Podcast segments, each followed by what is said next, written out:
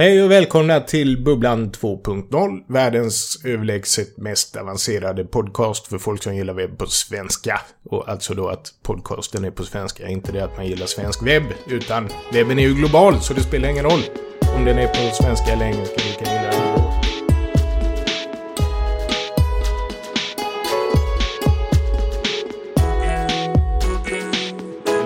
Tyska eller andra språk som inte är europeiska. Och som vanligt är det Kristoffer Och Camilo. och jag är lite förkyld, vilket ni Ja. kanske hör. Kanske? Ungefär halva kontoret är förkylt så att vi väntar bara på att det ska slå över och bli mer än halva. Ja. Ja. Fast jag känner mig på bättringsvägen. Ja, Vi får se nästa det är avsnitt. Ditt speciala kinesiska panodil med alger. Exakt, Ja. det är det som gör det. Ha, idag har vi tänkt prata om open source en gång till, för jag är ganska säker på att vi har pratat om det. Betyder det att vi har gjort så många avsnitt så att vi inte ens minns själva vad vi har pratat om? Ja, det är detta borde vara avsnitt 44. Ja, 43 eller 44, Ja. där någonstans. Jag kommer förra avsnittet sa jag att det var ett avsnitt som det inte var. Open source har vi pratat om innan, men nu har det hänt stora nyheter en gång till med ditt open source-projekt. Ja, ska vi öppna med det? Ja, det tycker jag. Förra gången var det ju att eh, Apple numera kräver att alla som jobbar där känner till ditt open source-projekt. Ja, väldigt Typ. fint. Typ.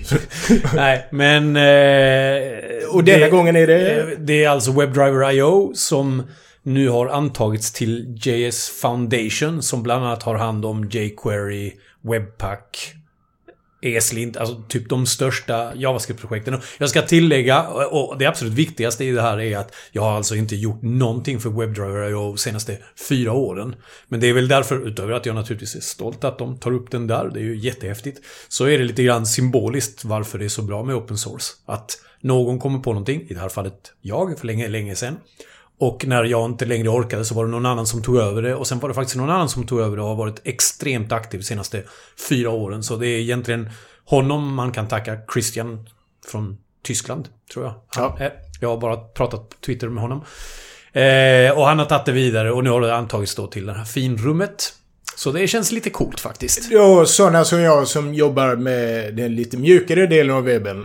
Är JS Foundation ungefär som V3C fast bara för Du, JavaScript? det hade jag önskat att jag kunde svara. Jag har ingen aning. Nej. Jag såg att de hade jättestora projekt där. De är en, någon slags underavdelning till Li- Linux Foundation. Linux Foundation är jättestort. Det räckte för mig för att jag skulle bli stolt, sen släppte jag resten. Men, eh, Det, ja. det Jag låter ju lite som att de är en foundation. gör det definitivt. att folk kanske kan jobba heltid med att ta hand om någonting. Ja, jag tror att det är åt det hållet. Och det är de som blir då de som styr förmodligen över vilka som är med och vilka som kan, som anses vara de som är maintainers och allt det där. Ja. Eh, så, jättehäftigt. Och det var ju som sagt ett kul exempel på när open source funkar som det ska. Precis. Som det Precis. gärna utmålas hela tiden. Jag vet att jag, jag har två gånger i mitt liv känt just det här, äh, liksom symboliken för open source. Det här WebDriver är definitivt en av dem. Och den andra gången var för också jätte, jättemånga år sedan när jag skulle göra en eh, kontrollera lampor med Node.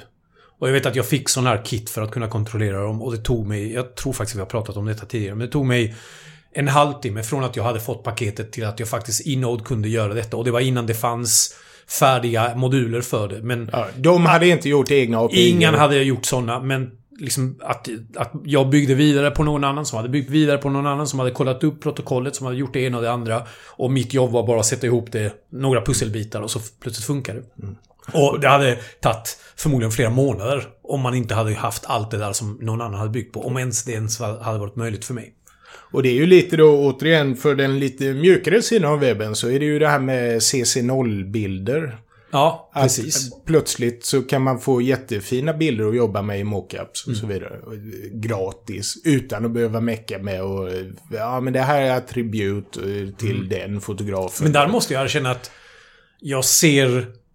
Alltså för om du jobbar med, gör någonting som är open source och du lägger ut det och folk börjar använda det så är det lättare att förknippa en modul eller en bit kod med den personen som på något sätt gjorde det. Ja. Medan en bild, jag menar, jag kan använda en eller två bilder och aldrig hålla reda på vem som har tagit fotot. Så att kopplingen mellan de som har gjort det och de som utnyttjar det är tror jag, närmare i open source-communityn Ja. vad gäller kod än vad det är på bilder. Ja. För bilder är så här, den här bilden var snygg och den här bilden var snygg och Jag skiter Mm. egentligen vem som har tagit dem. Ja. Och självklart, jag skiter också vem som har gjort en, en open source-modul till NPM. Men jag har som sagt en större benägenhet att kanske veta vem det är förr eller senare. Men sen har vi ju lite exempel på open source lite, vad ska man säga, mörkare sidor. När det inte är så bra. Eller vad som kan Eller, gå snett. Eller när folk utnyttjar systemet. Jag, Ja, lite ja, snabbt ja. kan jag lämna. Det var något företag som laddade hem massa grejer från GitHub.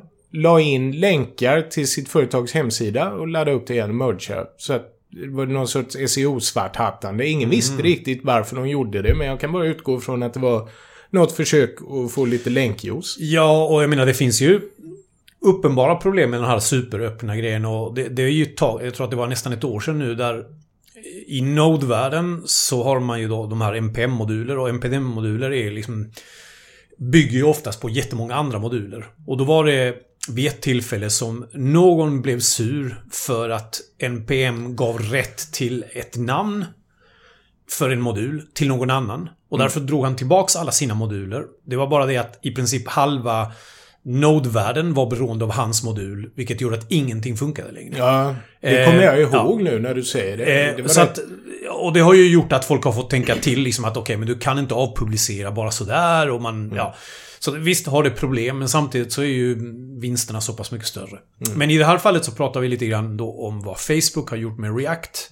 Där det är BSD och nu kan BSD-licensen, som jag inte kan supernoga. Jag vet inte vad som är skillnaden mellan BSD och MIT-licenserna. Men skitsamma. De har BSD plus patents.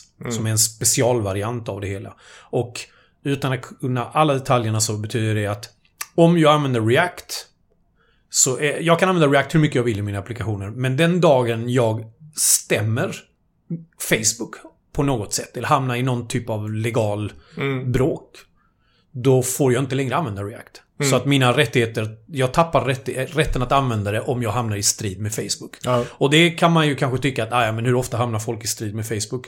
Men som jag läste en, en, eh, en, eh, bloggpost och det finns rätt många av dem. Om man är en startup, bygger upp allting kring React, blir uppköpt eller funderas på att bli uppköpt av ett företag som faktiskt är större och kan hamna i bråk med Facebook. Och det antar jag att det är rätt många som kan hamna där. Då blir ju plötsligt min produkt mindre värd för då kanske man måste bygga upp en jättestor del av det. Och jag tror att Facebooks argument för detta är att om alla hade gjort den här typen av grej så hade ingen hållit på och stämt varandra. Och då hade allting varit frid och fröjd. Men det är klart att ingen... Världen kommer inte fungera på det sättet. Och det har blivit rätt mycket bråk och... Självklart som, som open source-älskare som vi är så har jag börjat tänka om man inte borde se alternativ. Ja, vad är det? View? Det finns ett antal sådana. Det finns ju... Och det, det vet jag inte hur, hur hamnar man i... Det finns ju en som heter Preact som är en, en React-kompatibel mindre del, eller mindre version av React. Är det... Bryter de mot deras patent? Det gör de inte? Ja, du vet. Nej, och det där. Jag, Facebook kan säga vad de vill, men de gör så många öppet fula grejer att jag tror deras snack om alla gjorde sådär så hade det varit frid och fröjd. Det är bullshit. De såg ett hack och de gjorde det för de är rövhål inifrån och ut. Jag läste att eh, Peter Sunde inte har mycket övers för Zuckerberg heller. Nej, jag tror ingen som har läst på om Facebook borde ha... Jag ska lägga en länk till varför man inte ska ha Facebook. Och så kan folk själva läsa på om de orkar. Det är 80 artiklar en counting. Det är min egen Tumblr där jag samlar alla Ja. anledningar till att inte ha Facebook. Men vi går vidare för det, det händer ju en grej till här i Node-communityn som kanske... Den hade ju verkligen ingenting med open source att göra mer än att det var just Node-communityn. Ja, fast det är väl ändå lite grann också lite mm, talande för de problem som Open Source ställs för. Eh, Node, som så många andra sådana större projekt, har ju olika sådana technical committees eh, som bestämmer hur allting ska gå vidare. Och utan att kunna heller alla detaljerna där så är det tydligen någon bland de här människorna som har varit mindre snäll mot sådana som försöker eh, skicka in ny kod och varit trollat lite kring det och de hade, om jag förstått det rätt så hade de en omröstning för att utesluta den här personen från kommittén men eh, för att han bröt då mot Code of Conduct, för det är det man har. Code of Conduct har man för att det ska vara lättare att inkludera folk. Ja. Och han bröt ett antal gånger mot det och ändå blev han inte bortröstad. Ja. Och det gjorde att ett antal människor från den här kommittén sa, upp sin plats. Ja. För att liksom, det är ju därför man har Conduct Conduct. Ja, om den inte efterlevs så är det ju ingen idé. Och sen efter det så har jag läst att eh, Ashley Williams som en del av detta har fått utstå rätt mycket skit. På grund av de här sakerna och det har börjat trollats ännu mer för hon hoppade ju av på grund av de här sakerna. Ja. Och Ashley Williams är förresten Jag skulle ju säga vem är det? Det är... Vågar inte jag säga om hon fortfarande är ihop eller gift med eh, han som startade... Eller de startade tillsammans bland annat JSConf. Aha. Så det är de som höll i det och RobotsConf och det är därifrån Ja, ja, hela den biten Ja. kommer.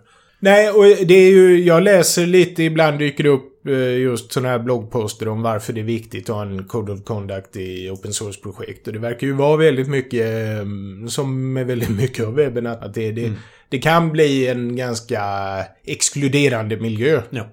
Och då blir det ju så tydligt med sådana här grejer. Du bröt mot den, men du får vara kvar. Ja, ja. Då har de ju sagt vad de vill. Och det var ju det vi pratade om innan vi satte igång det här. Att eh, det var ju någon som skrev en lång artikel om just att de hade hoppat av open source-projekten. Jag minns inte vilket projekt det var.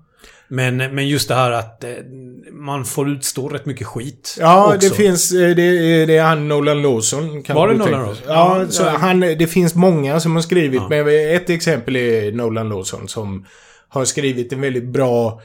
Där han beskriver hur det kan vara att eh, driva ett Mm. open source-projekt på Node. Och just hur, hur... eh, Eller förlåt, på GitHub. Hur han har hela tiden då över 100 requests. Ja. Och så beskriver han bara hur han går igenom några, vad det är för typ. Att det är så, först är det någon med en riktig fråga liksom. Ja men det var en vettig fråga. Då går det ju en halvtimme på att svara den.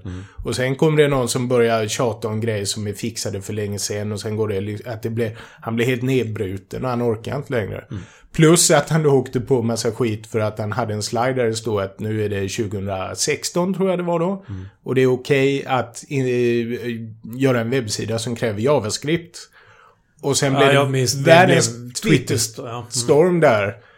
Så han har tydligen slutat med Twitter och han orkar inte med sitt och han blir utbränd. Och Det var efter det som han slutade med Twitter. På grund av det eller? Ja, det var en av grejerna. Ja. Dels det och sen dels den här ständiga pressen då med hans eh, GitHub-projekt. Alla Ja. pull request och vad det heter och folk som ställer frågor. Och ofta att de orkar inte ens googla. Det är lika lätt att ställa det till personen som faktiskt har skrivit koden än att sätta sig och googla själv och försöka hitta något. Och det är lite där jag... Det är ju där vi är nu i väldigt mycket kom jag på att det skalar för snabbt nu. Allting ska ju vara skalbart och förr handlade det bara kan vi skala upp här rent tekniskt, maskinmässigt och trafik kan vi hantera trafiken. Men när det då blir skalas upp till hundratusentals människor som kan skicka frågor till en person. Ja, speciellt i den här världen där det finns inga pengar. Alltså det här gör ju folk på sin fritid. Ja. Och jag, om jag ska referera tillbaks till WebDriver IO, så, jag menar, jag gjorde det för att jag tyckte det var skoj. Sen efter det så slutade jag göra det. Och jag är extremt tacksam att andra tog tag i det och jag är faktiskt mest imponerad av de som faktiskt orkar hålla, hålla upp tempot och fortsätta att göra detta. För det är ju... Det är ju Ja. då har du tagit bort hela den här roliga grejen att, att skapa något, testa något och göra någonting som är användbart. Utan då är det bara maintenance. Ja. Alltså, och visst kan du vidareutveckla och, och tycka det är skoj, men det är ju... Det är som att jämföra våra projekt. Det är klart det alltid är roligare att starta ett nytt projekt än att Underhållet. underhålla. ja. Eh, På ett visst sätt i alla fall. Ehm, men, Ja, det men roligaste är att utveckla nya funktioner. Ja. Det liksom Ja. lägga till något. Men att bara liksom sitta och finslipa. Det. Och, och det, jag menar, det, det är ju rätt snabbt. Det plötsligt krävs en hel stav av människor. Då ska du svara på saker. Och speciellt när det kommer sådana här totalt onödiga... Ja, men när det, eller... när det är lika lätt att bara skicka iväg direkt Mm. till personen. Det är ju där, det håller inte. Det skalar inte i en mänsklig modell. Utan vi har byggt system som är skalbara för maskiner. Och sen så helt plötsligt så ställs det mot en människa. Och det är ju där det är ett glapp. Mm. Och det är ju samma sak då med Twitter. Att han... En slide ur hans 40 minuter långa presentation twittras ut och tas lite ur sammanhanget. Och det var ju menat lite som ett sådär... Det var ju menat som en provokation. Att kom igen nu, det är klart man får göra... Och jag tycker att i vissa fall, det är klart man kan få göra en webbsida som kräver JavaScript. Ja, framförallt att folk blir så jäkla förbannade för en sån sak. Jo, och det... det ja, Eh, precis. Visst, och sen så visst i går det- sammanhanget... Alltså, eller jag menar, visst, det är klart det finns tillfällen då man absolut inte ska. Men just att folk blir Så! Ja, och det är ju där det finns väldigt mycket forskning då som tyder på att när man eh, pratar med folk online så tar man det inte på allvar. Utan det blir som ett dataspel. Att det är liksom, det, är inte på riktigt. Det här är bara på webben. Medan de hade ju aldrig ställt sig och skrivit Åh din jävla idiot. Åh, sådana som du, ni förstör webben och vad är du för knäppskalle?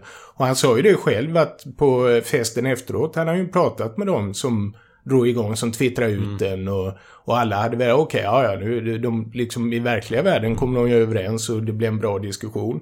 Medan för då på nätet. Ja, Ja. så skalar det inte upp. Nej. Att vi har utvecklat, byggt ett system nu som vi inte längre kan hålla... Nej, och då faller det tillbaks på att folk är som de är och ja, Ja, de flesta trollar på ett eller annat sätt. precis. Ja. Så jag tänkte, det är nästa eh, open source-projekt får väl vara något sånt här att försöka hitta... Ja, jag vet inte vad det ska vara, men det... det Hitta. hitta något sätt att få det att funka. Det, det där hur kan man... Alla har masskommunikation men i slutändan är det bara en nod som får ta emot alltihop och det råkar dessutom vara en människa. Så, Ja, men det är ju jättesvårt. För jag menar, det, det, bland alla de här sakerna så är det ändå folk som är stolta över vad de har gjort. Och är, är du Ja. det så visar du ditt namn och visar du ditt namn så ja, då är du publik på Ja. ett eller annat sätt. Och det, Ja. är ju, och det är ju en jättefördel i de flesta fall. mm. Men jag tror man får väl tänka, det är väl snarare där då att man får googla en extra gång innan man skickar Ja. iväg. Jo, Jag men det- gillar ju det- att mejla folk. Nu var det ett tag sedan jag gjorde det, men jag har mejlat lite sådär professorer i USA och ställt frågor och rätt ofta får man ju svar. Mm. Men jag tror just det där att leta rätt på någons e-mailadress är rätt mäckigt.